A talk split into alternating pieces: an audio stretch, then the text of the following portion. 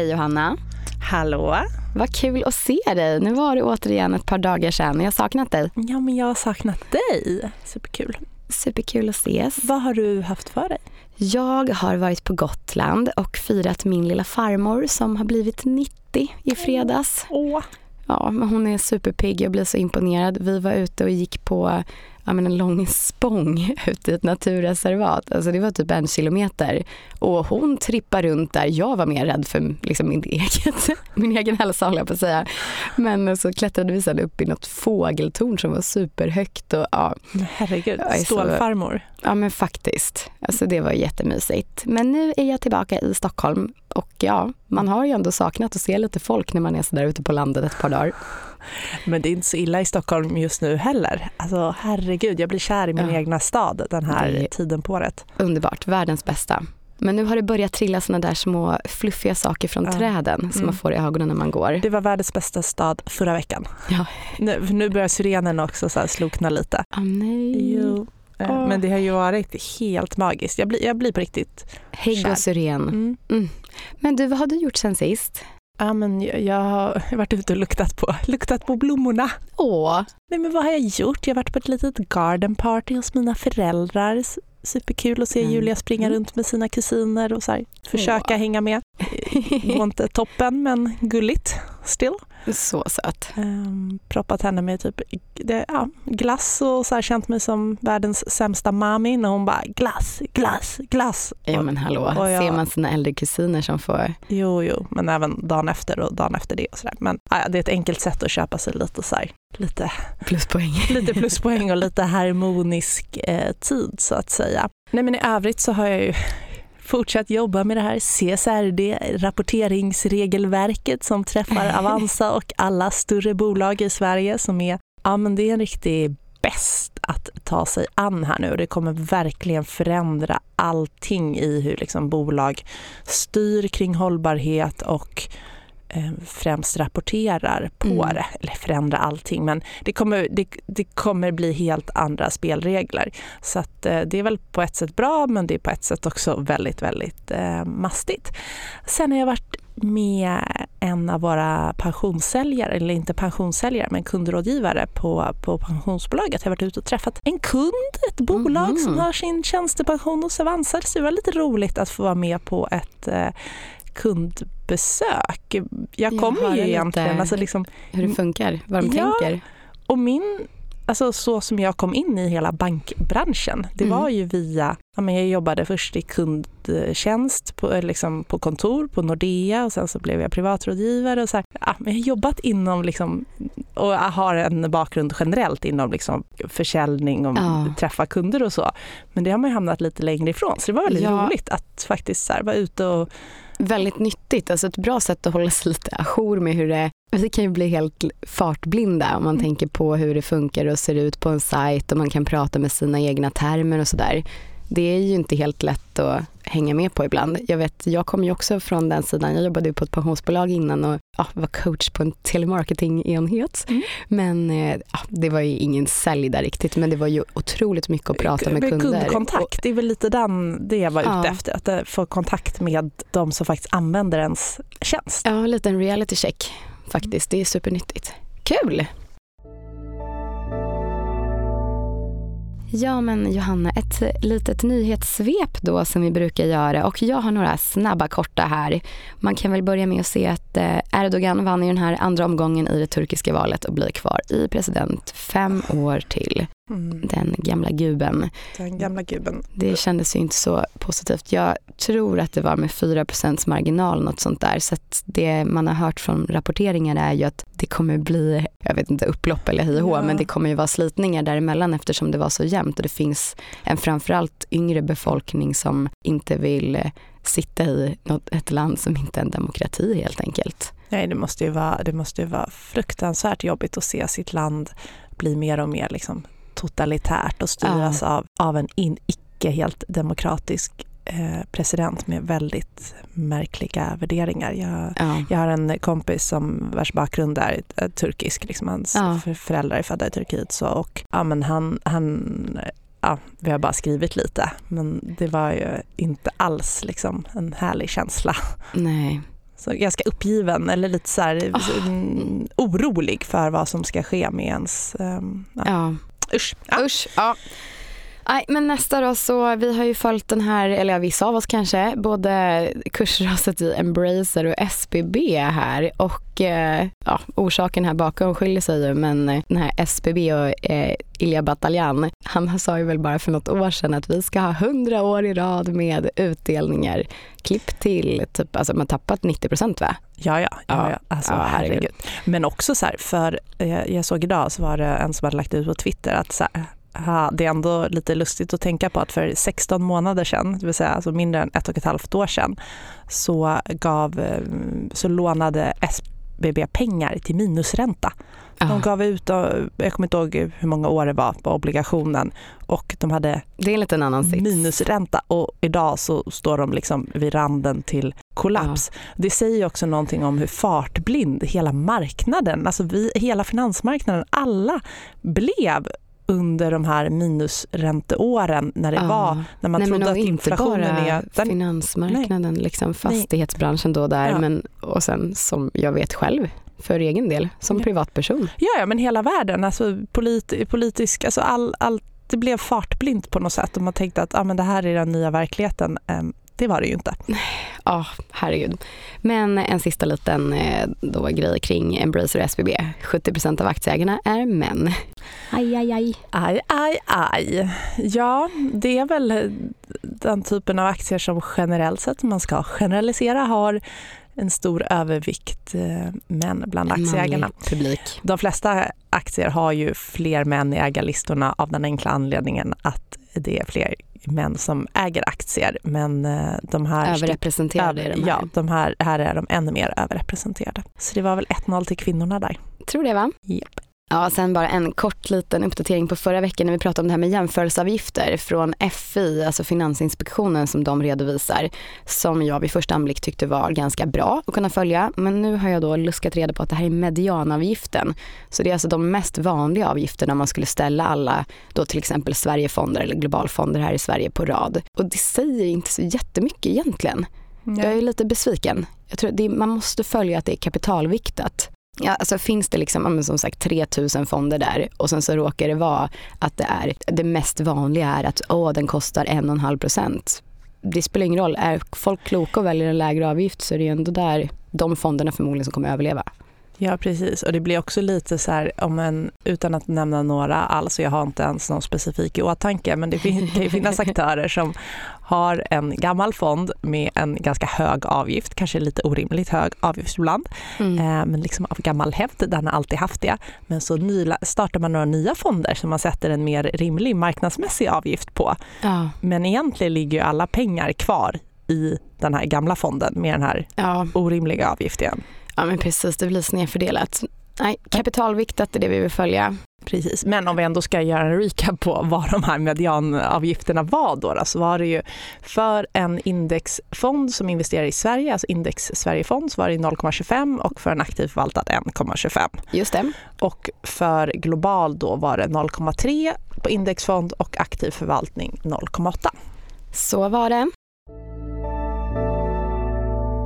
Okej okay, Johanna, alltså jag berättade ju förra veckan att jag hade kollat på den här dokumentären på SVT kring de här satsningarna kring ja, men, eh, grönt stål och allting där uppe i eh, Norrland. Och H2 Green Steel, där Harald Mix, en gammal finansräv bland annat, är med och eh, roddar, så har de dykt på lite problem. För det här bolaget väntas skapa mer än 10 000 arbetstillfällen i regionen här runt Boden då. Så det är ju ett kanonprojekt och framförallt då att man ska göra grön stål just. Men det de behöver det är ju såklart järnmalm och 85 procent utav all Europas järnmalmsproduktion stod LKAB för. Woohoo! Så att eh, ja, det är ju en ganska hisnande stor andel. Och det är inte säkert. LKAB då, de har ju Göran Persson i eh, spetsen där. Han är väl ordförande. Yes. Han har signalerat att det är inte solklart att de kommer få köpa järnmalm utav LKAB. Och då skulle ju de behöva köpa det från typ andra sidan världen. Och det låter ju helt sinnessjukt ur en klimatsynpunkt. Ja. när man startar ett grönt stålverk. Ja, verkligen, verkligen. Men jag tänker mig att Göran Persson är ju en gammal räv. Han, han vet också? Hur, han, han med i, i högsta grad. Han vet hur man spelar det politiska spelet. LKAB vill väl väldigt gärna att eh, den här eh, Malmbanan ska bli eh, dubbelspårig. Just det, där de helt enkelt kör. Där de måste frakta malmen. Det är den ju inte idag och den är ju väldigt liksom ehm, eh, sårbar. Och LKAB har ju sitt egna projekt tillsammans med SSAB, Hybrid, för att mm. producera fossilfri stål och så. Jag tänker att så här, de kanske vill sätta lite press på staten att gå in och investera i Malmbanan för ja. att säkra upp att att, att alla andra projekt kan få. kan få kan få del av den här järnmalmen och då, då så även deras eget. trycker man lite hårt att så här, vi kommer inte kunna, det kommer bli kinesisk. Jag, jag bara spånar. Men det låter väl superrimligt. Ja. Du har varit inne där i Nej, men Jag har sett för mycket på, på, politiska serier. House of Cards. House of Cards, Vita huset, eh, vad, vad är det nu jag kollar på? The Diplomat på, oh. på Netflix. Jag kan inte bestämma mig för om jag gillar eller inte men eh, jag kan väl kasta ut det som ett tips i alla fall. Jag blir lite fast. Ja men det är det enda som gäller. Det är det enda viktiga.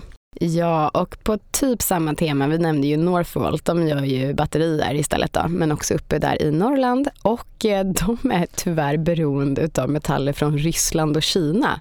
Eh, så det känns ju också som en härlig grej. De köper nickel från någonting som heter Nornickel, ett ryskt bolag. Så att jag känner bara jättebra att det görs massa satsningar där men man måste ju säkerställa vart de här... Inputen kommer ifrån. Ja, Ryssland och Kina känns väl kanske inte som topp två fräschaste i dagsläget.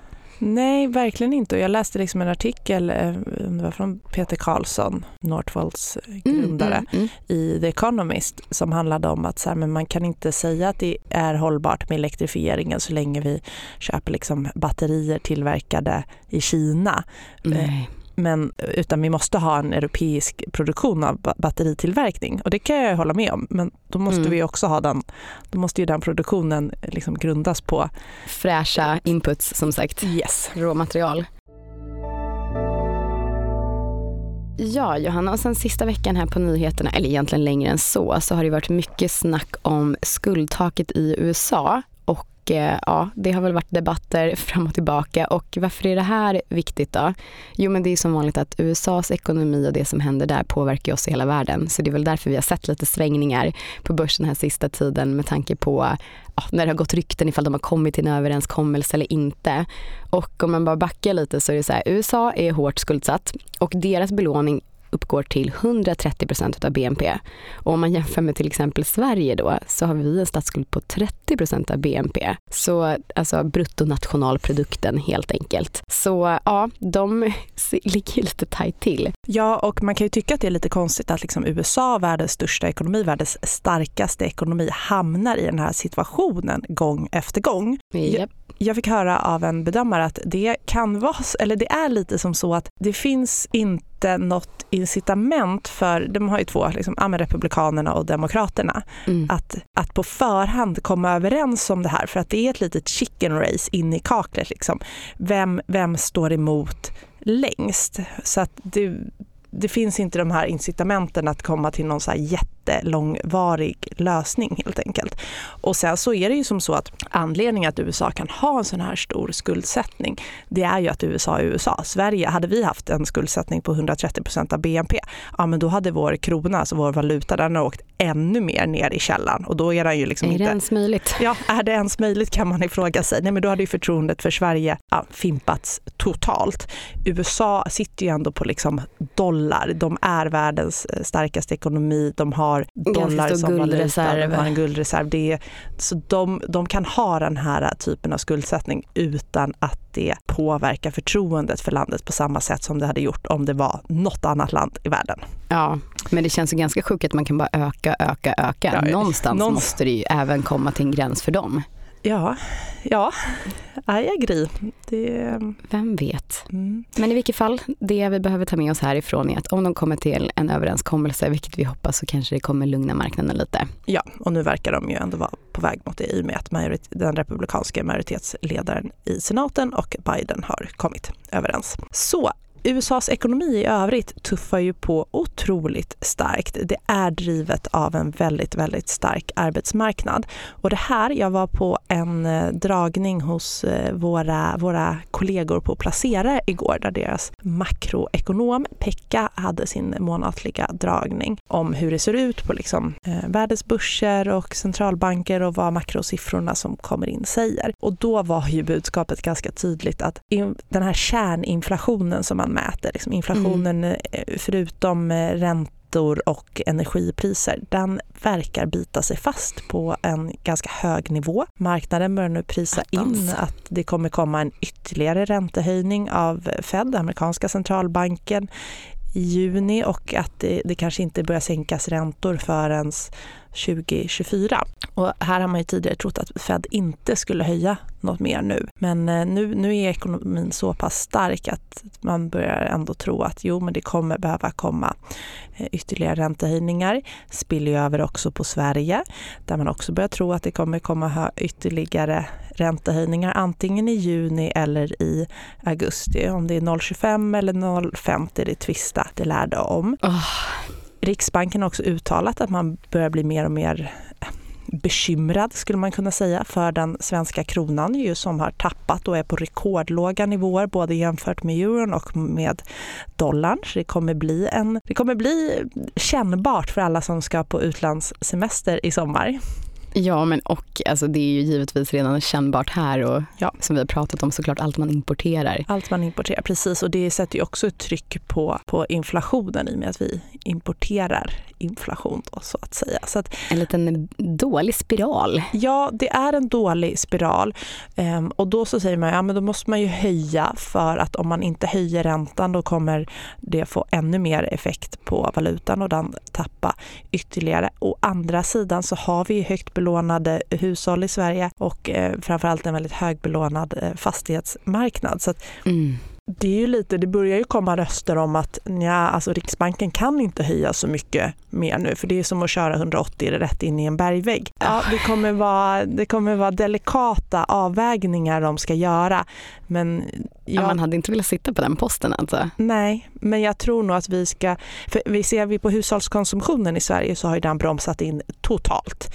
Den har liksom totalt bromsat in. Men mm. vi har ju fortfarande Ehm, företagen har byggt upp lager som har liksom hållit uppe ekonomin. Vi fick en BNP-siffra igår som var bättre än förväntat. Men det var mycket det här, alltså lagervärden hos bolag som har ökat. Man kanske gjorde en beställning för ett halvår sedan och så har vi haft leveransproblem och nu kommer det och nu betalar man för det. För tittar vi på, på hushållskonsumtionen så, har, så är ju den negativ. Ja, och en lite mindre sofistikerad anekdot på det temat men jag älskar ju P3 och jag lyssnade på Morgonpasset här dagen innan löning och då, de brukar alltid ha någon sån här lyssnarinteraktion och då hade de en dagens jao som de brukar kalla det och då är det så här jag känner mig fattig, jao. Och då, de gör det på ett ganska roligt sätt. De bara, vi vill inte ha in liksom riktigt jobbiga historier från folk som verkligen har det svårt. Nej, så de, de bara, vi vill ha liksom en högre medelklass fattigdom. Och då skrev in folk som skrev, ja, men bland annat så här, ja, jag, jag och min eh, sambo tog vår ettåriga dotters barntarmkräm för vi hade inte råd med en ny. och ja, och sen så var det någon annan som skrev in att ja, men jag krossade ett paket med nudlar och hällde på den här kryddan bara för att ha liksom något krispigt snack till Robinson. ja, Ja, ja, det är kämpigt nu. Det är kämpigt nu. Min brorsa har gått från att köpa IPA på systemet till att köpa typ Norrlandsguld. Ja, det är... Ja. Fem kronor per, per burk eller flaska eller något. Ja, det är kämpigt nu. Det är kämpigt. Det är nog bara att förbereda sig på att det kommer bli lite ytterligare kämpigt i den meningen att boräntorna kommer öka lite innan det vänder igen. Just nu är ju stalltipset att det kommer kanske komma någon sänkning 2024, det vill säga nästa år, men att i år så har vi några höjningar kvar. Ja, och om det, är, om det inte är sänkningar så kan det ju vara att det bara inte höjs, att man får vara ja, man får glad, glad för det. Man får vara glad för det. Valutan som sagt, den är ju inte bra just nu. Svenska Nej. kronan, nej. Det är ju drivet av såväl liksom recessionshotet i världen. Då brukar vi se hur en liten öppen valuta som den svenska kronan tappar. Det är lite risk-off. Man, man söker sig till ja, de större valutorna i världen. Vi ser också hur eh, fastighetsmarknaden i Sverige oroar. Jag menar de förvaltare vi träffade i USA, de pratade om den svenska fastighetsmarknaden och att de var oroliga för den. Ja. Vilket också gör att liksom, pengar söker sig inte till Sverige och kanske till och med från Sverige, vilket sätter ett tryck på valutan. Det är fler som vill sälja svenska kronor och växla över till något annat än vad det är som vill köpa svenska kronor. Så, så enkelt är, så enkel är liksom tanken bakom det här. Riksbanken kan ju göra olika grejer. De försöker ju höja räntorna i den takt det går så att vi ska ha liksom, eh, räntenivåer i, räntor i nivå med, med övriga världen. De kan också sälja obligationer, det vill säga liksom statsskuldväxlar. Ställa ut. Ja, alltså de folk ställer ut obligationer som man kan köpa som investerare, få en viss ränta och så parkerar man pengar eh, hos Riksbanken. Och på så sätt tar vi bort liksom, kronor från systemet och ja, det finns ett, en- efterfrågan på svenska, svenska kronor också. För att, men effekterna där är har ju inte, liksom, det har inte det har varit högst marginella så Ah. som det ser ut. Så det här sätter ju ett tryck på svenska kronan. Så vad säger du, det blir eh, Ja, det blir en dyr, ingen utlandssemester? Nej, men det, det blir ingen utlandssemester för mig i sommar. Nej, Du, du får jag ska ju tyvärr till Italien. Tyvärr. Stackare, stackare. Ja, men det blir en dyr eh, espresso eller cappuccino eller Aperol eller Ja, får köra på tomater. pasta, pasta, vad heter den? Ar, arbia, nej. Arrabbiata, Ja. puttanesca. Eh, men någonting annat som det här påverkar då, eller det man kan tänka på är så här i sina investeringar, att det kan vara ganska bra att ha lite exponering mot andra valutor. Man får det absolut indirekt om man äger svenska aktier eller svenska fonder i och med att liksom bolag säljer till utlandet och ja, det, finns, det finns en mekanism där. Men om man tänker en mer direkt valutaexponering så finns det ju ett väldigt enkelt sätt att få det som de allra flesta människor också får i sitt sparande. Mm. Det är genom att äga en globalfond till exempel. I en globalfond har man investerat ungefär 60% i amerikanska bolag och sen är det europeiska bolag och sen en del asiatiska och ibland även en del tillväxtmarknader och Mm. ungefär bara 1% i svenska bolag. Så man kan säga att det är liksom 1% som är investerat i Yes. svenska kronor. I övrigt får man ju den här valutaexponeringen liksom väldigt Ja, men en bra hedge liksom för att skydda sig mot... en bra vi, hedge. vi är ju så himla exponerade av kronan annars. Ja. Vi lever här, vi bor här. Ja, och om man ser till förra året så var ju det en stor del av utvecklingen i liksom svenskarna, alltså globalfonder, var ju faktiskt att kronan hade tappat gentemot framförallt dollarn, vilket då ger liksom pluseffekt Ja. när man har eh, investerat sina pengar där. Pendeln kan såklart slå åt andra hållet, men det är ju ändå någonting man bör ha för att inte lägga alla ägg i svenska kronkorgen. Helt rätt. Och i en global fond så får man ju också, förutom att man får den här valutaexponeringen, så det, det, det, den mesta diversifieringen man får, det kanske viktigaste, det är ju att man får del av väldigt, väldigt många bolag över hela världen så att man får liksom en bolags diversifiering och det här gör ju att man säger att det är liksom en väldigt bra basfond. Exakt. Och så- Ungefär 1600 bolag är Ja. i en som inte har några exkluderingar. Ja, 1600 bolag, då får du en bra diversifiering. Du behöver inte diversifiera mer. Du, du har bättre diversifiering än Precis, så random lägger man på. SBB och Embracer. Ja, exakt. Ja, men om man har liksom en portfölj, en aktieportfölj fylld av SBB och Embracer, då kanske man är ganska tacksam att man också har haft en liten fondhedge. Ja. Man ska inte överskatta sin egna stockpicking-förmåga alltid, utan fonder är väldigt bra. Och även om man inte vill ha liksom direkta aktier så, ja, så är ju en global fond en toppen fond i regel. Det finns ju såklart olika, men om du ser på hur Sjunde AP-fonden, eller förvalsalternativet i premiepensionen, så är ju det eh, i princip en global fond. Den har lite högre Sverigedel än vad en eh, traditionell global fond har. Men det, i grunden är det en global fond som investerar över hela världen.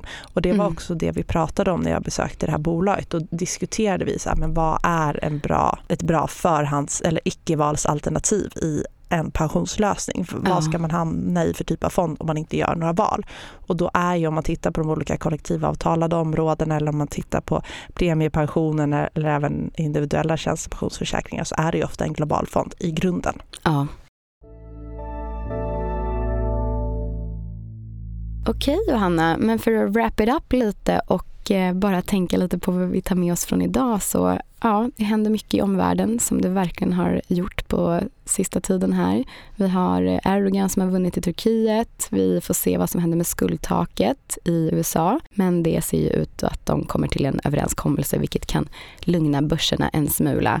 Men eh, då kanske det blir mer fokus återigen på det här med ränta och inflation. Så att, eh, ja, det är Räntor, inflation, det finns några datum här i Dels innan, innan räntebeskeden kommer så kommer det komma ytterligare inflationsbesked kring hur inflationen var i maj.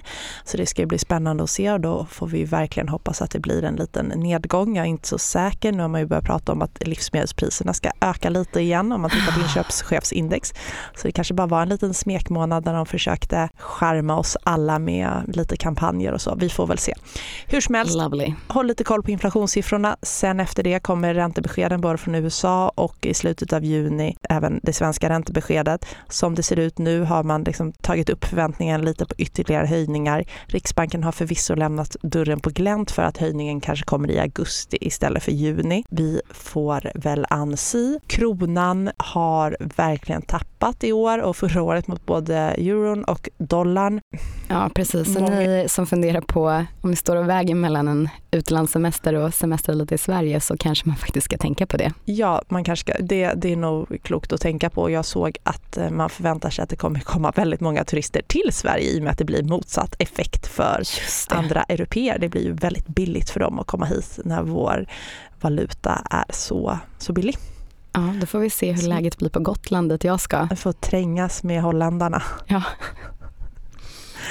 Ja, men tack för idag och glöm inte att eh, följa oss på Instagram, alfahonor och jättekul när ni skriver och eh, ja, ställ frågor så försöker vi ta upp det. Vi hörs igen nästa vecka. Det gör vi. Tack för idag.